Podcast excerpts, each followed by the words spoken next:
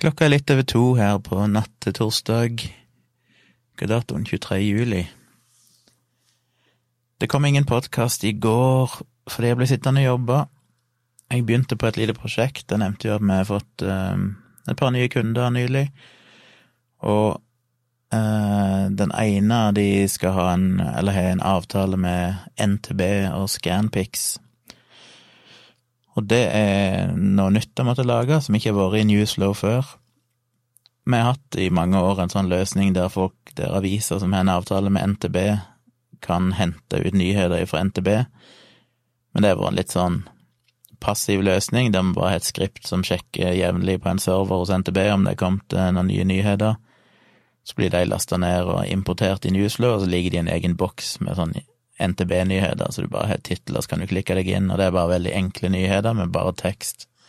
Så det er ikke noen bilder og sånn, og det er ikke en integrert del av resten av nyhetene, det er på en måte en helt separat boks på forsida med kun de siste overskriftene fra NTB. Men eh, den nye kunden har en litt større avtale med NTB og Scanpix, og da måtte jeg lage en ny løsning, og det syns jeg alltid er litt gøy, for de har et såkalt API, det vil si ja, hvordan forklarer du et API? Det betyr egentlig bare at jeg kan koble til en tjeneste hos eh, NTB og sende noen kommandoer. For eksempel utføre et søk, at jeg vil ha nyheter mellom den og den datoen som handler om innenrikspolitikk, for eksempel.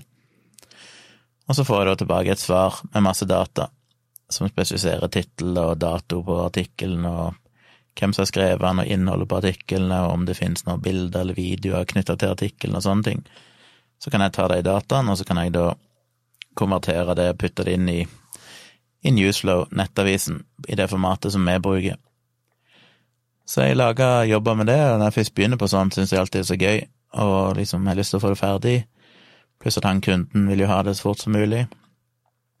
Så i løpet av en dag, egentlig, så lagde jeg hele den løsningen, ble sittende opp til klokka seks i natt, og gikk og la meg i dag tidlig, og sov noen timer.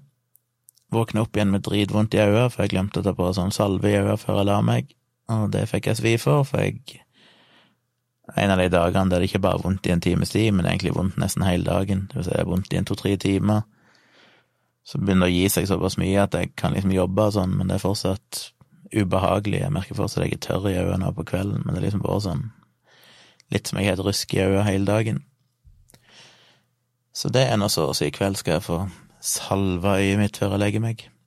Eller i natt, er vel rettere sagt. Men den løsningen tror jeg ble ganske bra. Den er egentlig bare sånn at når de er inne i administrasjonsgrensesnittet i Newslow, i webdesken som jeg kaller det, så får de automatisk opp alle de siste nyhetene fra NTB. Og den oppdaterer seg jo hver gang de laster sider, så henter han nye artikler. Og der ligger det jo hundretusenvis av artikler, da, som du kan bla deg bakover i hvis du vil det. Og så er det masse menypunkter du kan klikke på for å velge for eksempel om du vil bare ha innenriksstoff, eller bare sport, eller bare kultur, og forskjellige sånne ting. I tillegg til at du kan gjøre dine egne detaljerte søk hvis du ønsker det.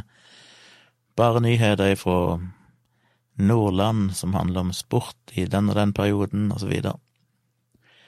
Og det kule med det er jo at du får opp alle disse artiklene, og hvis du ser en artikkel du vil ha, så er det bare å klikke på et ikon og vente noen sekunder og så har jeg laga et system da som automatisk henter ned alt innholdet fra NTB, finner ut hvilke bilder og videoer som hører til artikkelen, kobler meg til Scanpix og henter ned alle bildene i høy oppløsning og sånn derifra, de bildene som han har rettigheter til ifølge avtalen sin, og konverterer og importerer de inn i Newslow, sånn at du får en fiksferdig Newslow-artikkel uten å trenge å gjøre annet enn å klikke på en knapp, holdt jeg på å si. Så må som regel artikkelen redigeres litt, for som regel vil de tilpasse de litt, for de NTB-nyhetene er jo veldig sånn minimalistiske. Så ofte ønsker en å kanskje flashe det ut litt med litt mer tekst og sånn, og det kan en jo gjøre. Men i utgangspunktet så er det ett klikk, og så er nyheten inne. Så det er gøy å lage sånne løsninger. Det er jo en løsning som jeg egentlig ikke hadde tenkt på før.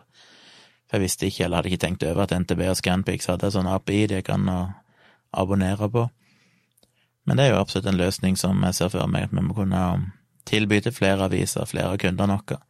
For det må jo være veldig nyttig for små lokalaviser å få alt dette stoffet som blir oppdatert ja, hele tida, dagen lang, så kommer det jo nye nyheter fra NTB, som de da bare kan klikke, og så er de plutselig en nyhetssak i sin egen avis, hvis det er relevant. Så det har jeg fiksa, og rulla det ut i produksjon i dag. Og det er jo en av de styrkene vi har i firmaet vårt, føler jeg, at eh, jeg kan få en sånn request, og så går det et døgn, og så har jeg laga en fiks ferdig komplett administrasjonsgrensesnitt, der du kan gjøre alt det som jeg nettopp sa. Og det er litt kult. Jeg tror ikke det er så mange som hadde levert det sånn. Jeg føler det ofte kan være sånn månedsvis langt prosjekt for mange andre bedrifter som skal lage sånne løsninger, og de tar sannsynligvis mye penger for det. Dette her leverte er jo temmelig billig, litt fordi at da får jeg et insentiv til å lage det, og så kan vi jo forhåpentligvis selge det til flere kunder seinere. Så det er litt gøy å drive med.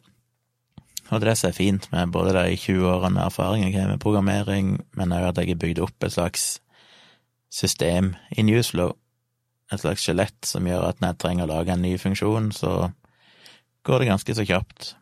Jeg har liksom basicsene på plass og kan eh, ja, egentlig bare tilpasse det nye løsninger fortløpende. Så det tok hele gårsdagen min, stort sett, og en del timer i dag òg, der jeg bare pussa litt på ting og endra litt på ting. Um, ja, hva mer hadde jeg å si? Jeg ble så opp, uh, oppjaga av uh, å sitte og programmere.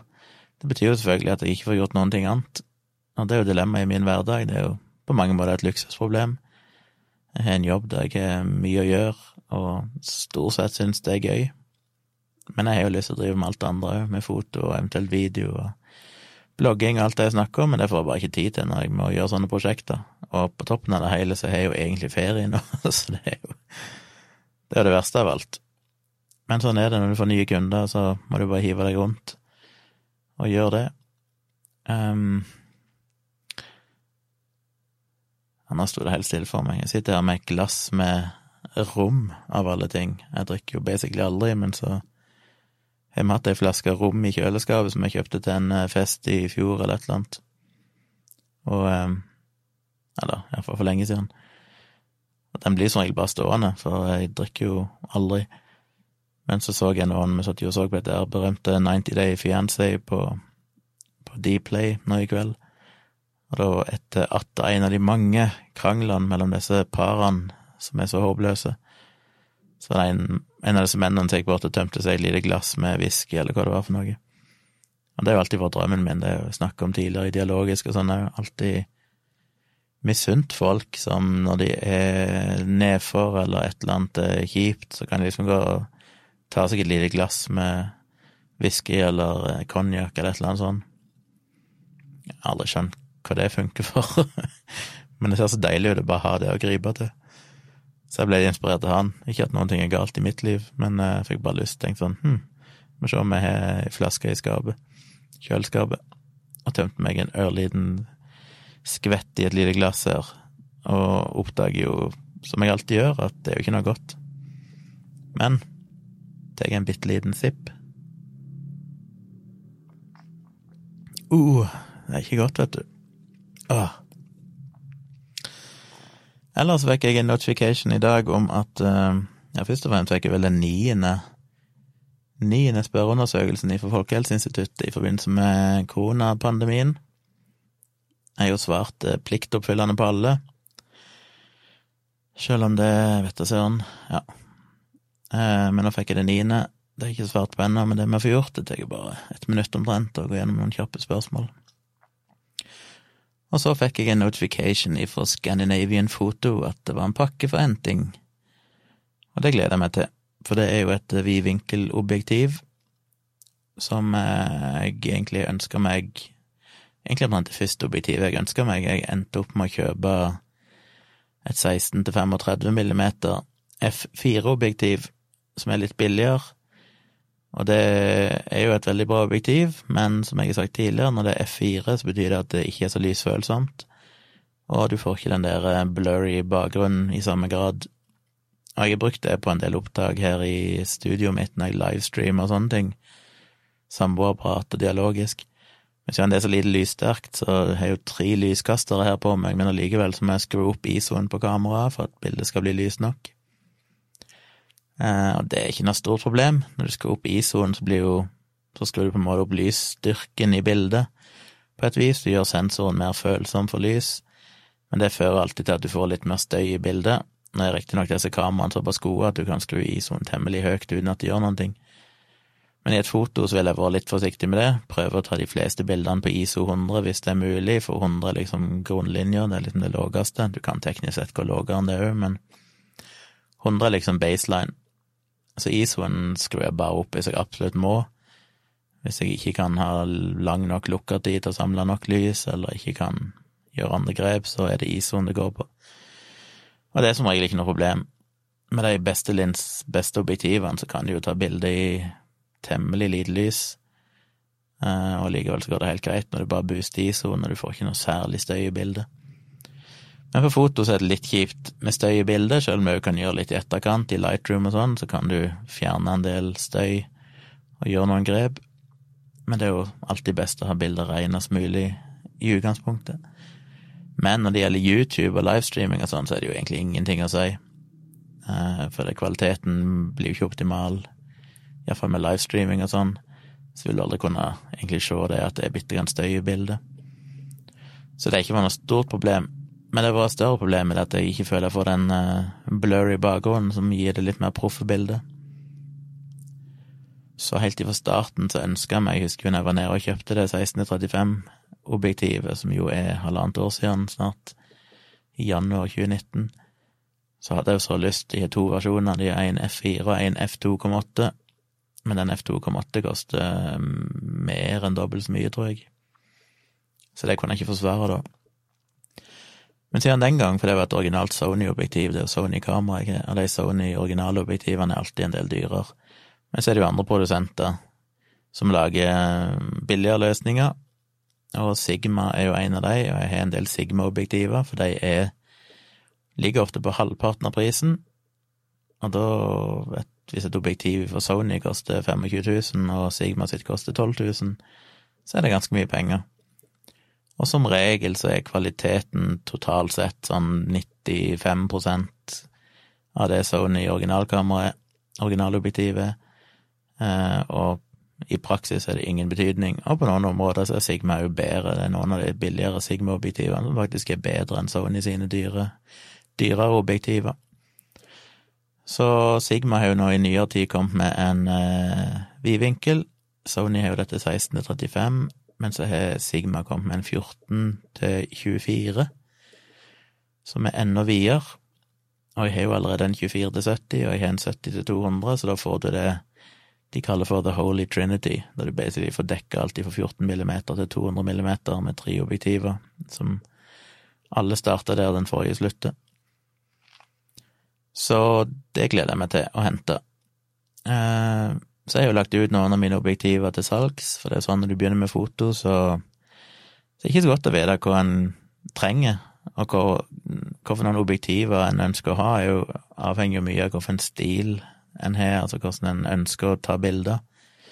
Og det vet en jo som regel ikke før en har tatt en del bilder og holdt på ei stund. Og jeg vet jo fortsatt ikke egentlig hvilken retning jeg ønsker å gå, akkurat nå er jeg jo fortsatt Sånn at jeg tar alt mulig slags bilder, både portretter og landskapsbilder og litt gatefoto og ja, gjør liksom alt. Men jeg la noen ut på finn.no der jeg har brukt minst og tenkt at eh, disse kan jeg forsvare og selge, men det er ikke lett å selge objektiver. En av de mytene jeg egentlig ble litt lurt av da jeg begynte med foto, det var det at objektiver er jo ting som gjerne du kan ha hele livet. Kameraene blir jo stadig vekk oppdatert, det kommer nye modeller, det kommer bedre spesifikasjoner og sånn. Så hvis en vil henge litt med, så etter noen år så vil en kanskje bytte til et bedre kamera. Men objektivene er jo som regel de samme likevel, så du kan jo ha hatt objektiv i 30 år for den saks skyld. Og det jeg hørte i starten, var jo dette her med at når du selger objektiver, så har de veldig høy verdi. Det er lett å få solgt objektiver til en høy pris, så det er liksom en investering å kjøpe et objektiv, for hvis du, du kan alltid selge det igjen hvis ikke du vil ha det. Det har ikke vist seg å være så veldig lett. Jeg har solgt uh, Hva er det, er det ett objektiv tidligere? Det var bare ett objektiv jeg solgte. solgt. Det fikk jeg solgt til slutt. Jeg husker ikke helt hvor langt ned i pris jeg måtte gå, men nå har jeg jo lagt ut tre objektiver. Ett av det er jo bare crap. Det ene var det som fulgte med kameraet da jeg kjøpte det, og det er jo sånn objektiv alle kvitter seg med med en gang, så på finn.no så er det jo ti millioner av det objektivet. Eh, jeg tror jeg la det ut til et par tusen, det er jo ikke verdt noen ting, egentlig. Men jeg la ut to, dette er 1635 F4-objektivet, som jeg da egentlig erstatter med det nye jeg får i morgen, og et annet et, en 50 millimeter, som jeg egentlig har lyst til å ha, for det er et jækla godt objektiv, men jeg merker bare at jeg ikke helt per nå egentlig bruker det noe særlig. Men en liten del av meg håper at jeg ikke får solgt det, for jeg har egentlig lyst til å beholde det. Jeg tenker at eh, det er sånn objektiv som er veldig fint til sånn street photography, gatefotografering. 50 millimeter er jo liksom den klassiske standarden som er sånn litt midt på treet, som funker veldig bra til mye. Så jeg får se. Poenget var iallfall at jeg har jo lagt ut for salg eh, en del under nypris, og de er jo som nye alle i hop. 50 millimeter er liksom brukt én eller to ganger. Den er jo basically som splitta ny, og er jo ikke mer enn et halvt år gammel. Den 1635 er halvannet år gammel. Jeg har brukt den litt mer, men den ser jo ut som splitta ny. Og jeg har originalforpakninger og kvitteringer på alt og sånn. Men det er fortsatt ikke lett å selge de, så jeg forventer litt til, og så får jeg se om jeg setter de mer ned i pris. Men eh, det er jo sånn objektiver. folk er så skeptiske, og det skjønner jeg jo godt, for det ville jeg sjøl vært. Jeg har ikke lyst sjøl å kjøpe brukte objektiver, egentlig, for du er alltid redd for at det er noe galt, at de mista det i gulvet, eller at det er noe ripe i glasset et eller annet sted, eller et eller annet sånt tull. Og da må du ganske mye ned i pris i forhold til ny pris før det er verdt å ta den risikoen, føles det som. Så de fleste velger nok heller å kjøpe ny istedenfor å spare lite grann. Så jeg må nok kanskje litt ned i pris før folk er villige til å, å kjøpe de, og da må jeg vurdere om det egentlig er verdt å selge de, eller om jeg bare skal ha de litt til, iallfall. Men jeg får se. Jeg trenger jo egentlig pengene òg, så For det er jo dyrt å kjøpe nye. Så det skal jeg gjøre i morgen og i tillegg så skal jeg flytte ut av mitt kjære kontor i morgen. Og det blir jo litt trist. Det er litt sånn Er et veldig greit kontor å ha. Jeg digger egentlig å ha et kontor midt i sentrum, det vil si rett med Oslo S. Um, bare fordi når jeg er i byen og sånn, så er det fint å kunne, hvis jeg må på do eller et eller annet, så kan jeg bare stikke innom kontoret mitt. Men uh, ja. Og så er det jo det at jeg savner jo bitte grann å ha et kontor jeg kan gå til på dagen heller enn å sitte hjemme. Men foreløpig er fortsatt situasjonen sånn, med valp og alt mulig, at jeg må sitte hjemme, egentlig. Eh, det føles litt sånn kjipt å bare stikke av gårde hele dagen. Så, og jeg har jo sagt opp kontoret, så det er jo no way back. Så jeg får se hvor lenge det funker, dette her med hjemmekontor, og hvis ikke det funker, hvis jeg begynner å bli veldig lei etter ei stund, så skal jeg se meg om etter et kontor her i nærheten av der jeg bor, heller. Og håper og tror kanskje at det er litt billigere enn et kontor midt i sentrum. Så det får jeg se på. Men den tid, den sorg. Jeg skal iallfall flytte ut av kontoret. Så det betyr at jeg må ned i morgen og rydde litt, pakke sammen, finne ut hva jeg skal hive, hva jeg skal ha med meg.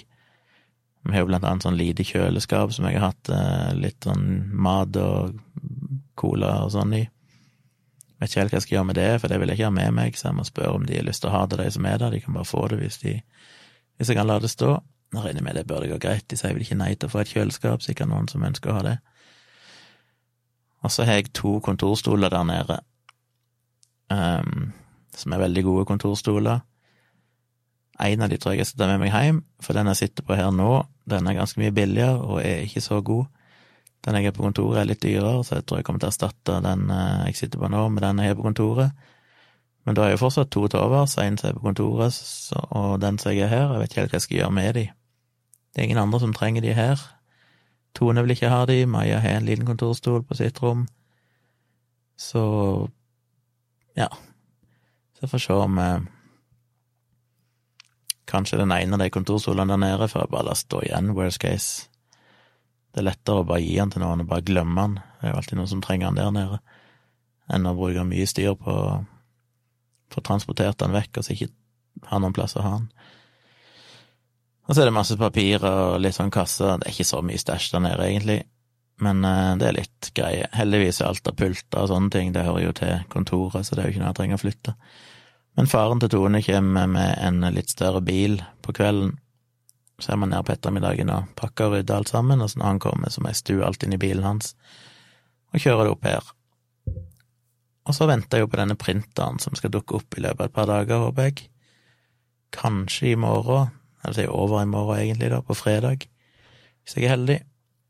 Og det gleder jeg meg til. Begynne å teste og printe litt bilder og se hvordan det blir. Uh, ja Ellers takk til nye patrons. Det dukker opp nye en sånn her i ny og ne, og det setter jeg jo fortsatt veldig, veldig pris på. Fikk sendt av gårde ei bok i dag som jeg var litt forsinka med, men den er iallfall i posten til den personen som venter på den. Fikk en melding i dag av ei som jeg eh, Jeg møtte henne en gang når vi hadde liveshow, episode nummer 100, med Dialogisk, når Harald Eia var gjest. Så hadde vi et liveshow her i Oslo, og da var det ei som jeg hilste på, som jeg bare sa hei til og liksom prata litt med, men eh, hun kjenner jeg ellers bare via nettet, hun har liksom fulgt dialogisk og litt sånne ting, og skrevet til meg et par ganger på Facebook. Så jeg kjenner jo ikke sånn, men uh, hun bare sendte meg en melding nå at hun lå på sykehuset. Jeg tror ikke det var noe veldig alvorlig, en infeksjon eller et eller annet hun hadde fått, men uh, hun sa at hun lå der med placebo-defekten og drev og leste den, og så hadde legen kommet inn for å gi henne en beskjed, og når hun hadde sett den boka, så hadde hun begynt å rante helt vilt om hvor mye fan hun var av meg, og ditten og datten, og nå så jeg at hun eh, Pasienten til og med hadde en signert versjon av placebo-defekten, så ble hun helt ifra seg. Så det er jo litt stas. Alltid gøy når det er folk som er leger og sånne ting, som setter pris på det jeg gjør, for da føler jeg iallfall at eh, Ja, kan ikke være helt på jordet.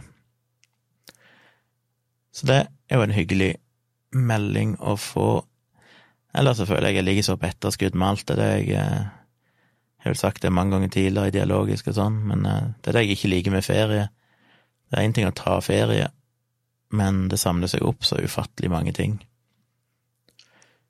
Så jeg er litt sånn Ja, jeg prøver å ta litt hver dag og prøver å komme gjennom. Det er stadig vekk nye mailer og ting som gjøres med kunder og jobb og sånn. Det er ikke så lett å ta ferie, for det blir jo bare enda mer du må gjøre seinere, så Så fikk jeg òg en mail ifra SAS her i eh, forgårs, som er ikke helt eh, Altså, meg og Tone og Maja hadde jo bestilt en tur til Praha i påsken. Så da hadde vi bestilt fly og hotell, og så kom jo koronagreiene en måned etter jeg hadde bestilt billettene, eller sånn. Og eh, det ble jo innreiseforbud i Tsjekkia, og etter hvert så ble det jo stengt ned for Norge òg. Så den turen ble det jo ingenting av. Så den 26. mars så kansellerte jeg flybillettene hos SAS. Og den uh, hotellbookingen, den Og det irriterte meg litt, men de tillot jo ikke at vi kansellerte den. Det eneste de kunne tilby på grunn av koronagreiene, var at vi kunne bestille en tilsvarende hotellopphold i løpet av de neste tolv månedene. Men det var ikke jeg så himmelig interessert i, for jeg vet jo ikke når det blir mulig å reise trygt igjen, om det var mulig i løpet av de neste tolv månedene. Og de neste tolv månedene er heller ikke så relevant, for det er veldig få tidspunkter med mulighet til å reise alle sammen, for jeg er avhengig av at dattera mi da har ferie. Så det måtte enten blitt i høstferien, og da vet vi ikke om det er mulig å reise ennå, eller så måtte det blitt påsken neste år, hvis den eh, bookingen hvis ikke det hadde vært for seint. Jeg er litt usikker på, jeg har ikke sjekka datoen. Men jeg klarer ikke å planlegge helt fram til påsken neste år hva vi skal gjøre da. Jeg aner ikke hva som skjer. Og påskeferie, nei, høstferie nå, som sagt, vet vi jo ennå ikke om det egentlig er forsvarlig å reise. Og vi hadde ikke lyst til å reise på vinteren og sånn i juleferien og sånn, vi hadde lyst til å reise når det var fortsatt litt varme i, i været og sånn. Så jeg bare ignorerte den og bare lot heller kan hele hotelloppholdet gå i dass, og tenkte det får jeg heller søke på reiseforsikringen, for det De pleier å være ganske fleksible. Men jeg har ikke søkt reiseforsikring ennå, for jeg har venta på tilbakemelding fra SAS og måtte jo vite først hva det ble til med de flybillettene, om det er noen sånn avgift eller et eller annet som ikke får refundert, så jeg kan søke forsikring for det. Men eh, nå fikk vi jo da omsider en mail, og nå har det jo gått vi se, april, mai, juni, juli, det er basically gått fire måneder. Og nå fikk vi en mail fra SAS om at de eh, fortsatt ikke hadde behandla den kanselleringa, søknaden om refusjon, men de kunne gi oss en sånn eh, travel voucher istedenfor, som basically er litt det samme som det hotellet gjorde. Det betyr basically at Vi kan bestille billetter til samme pris som den flybilletten koster, eh, i løpet av de neste tolv månedene. Og den kan òg brukes delvis, visstnok, så du kan bruke den til å delbetale andre reiser og sånne ting. Eh, og i tillegg så fikk vi 350 kroner per person som en ekstra, så basically en tusenlapp omtrent ekstra da siden vi var tre personer. Og det er jo for så vidt greit, og det spørs vel om jeg bare kommer til å takke ja til den. Men det irriterer meg jo litt at det er så åpenbart at SAS prøver å dra ut tida, for det er jo ikke tale om at de trenger fire måneder for å behandle Det er greit nok at det har vært noen tusenvis av kanselleringer i løpet av den perioden, men det er veldig vanskelig å forstå at de ikke har nok folk til å klare å behandle tusenvis av søknader i løpet av fire måneder. Jeg mener, hvor lang tid kan det ta? Det er jo, det er jo ikke noe å diskutere, det er jo bare en bestilling som de sjøl har sagt at denne får du lov å kansellere 100% og så er det bare snakk om å tilbakeføre pengene.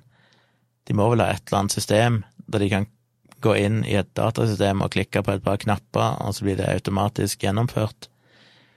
Jeg tenkte jo bare sjøl, jeg mener om det så skulle ta ja, ja, du kan begynne å regne på det, men du skal ikke ha så veldig mange ansatte som jobber med det før du kan gå gjennom 10 000 sånne i løpet av fire måneder, eh, hvis de jobber med det på fulltid. Så det er veldig rart for meg at de faktisk ikke klarer det. Så det er vel egentlig ganske åpenbart at det handler ikke om at de ikke klarer det, det handler vel egentlig om at de ikke har råd til det.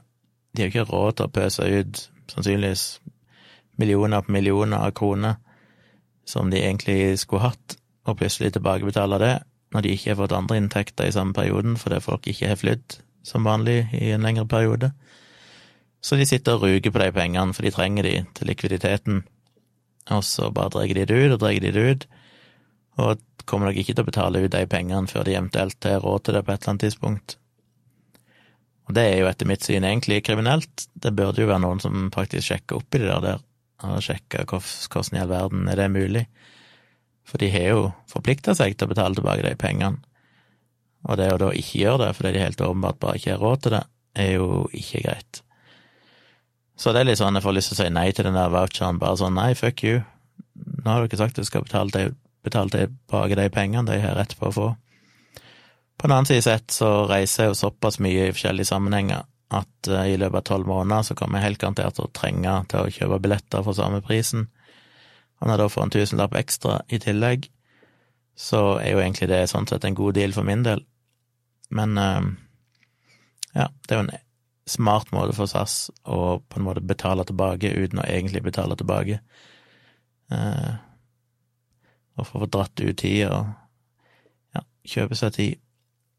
Så jeg vet ikke hva jeg egentlig føler om det. Jeg blir litt forbanna, men jeg får egentlig bare godta det, og så får det vel være greit.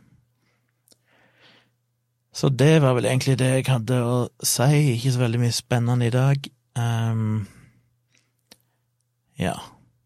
Det blir jo en samboerprat igjen på søndag, og da skal vi snakke Jeg planer litt om dette med Tinder-dating når du er i et forhold. Det håper jeg jo noen har lyst til å høre på, så det blir jo på søndag kveld, regner jeg med. Og så Håper jeg kanskje da i morgen Det er ferie, vet du, men det er nå hver eneste dag, føler jeg. I morgen skal jeg rydde ut av kontoret. Urgh. Jeg har liksom lyst til å få tatt bilder, gått ut med kamera, redigere bilder, men hver dag så skjer det ting som bare går hele dagen. Det er mildt sagt litt frustrerende. Men vi får se. Det må vel åpne seg opp litt de neste dagene. Da tror jeg jeg skal køye og prøve å ta igjen litt av den søvnen jeg ikke fikk i går natt, og håper jeg våkner opp igjen med et øye som fungerer litt bedre enn det har gjort i dag.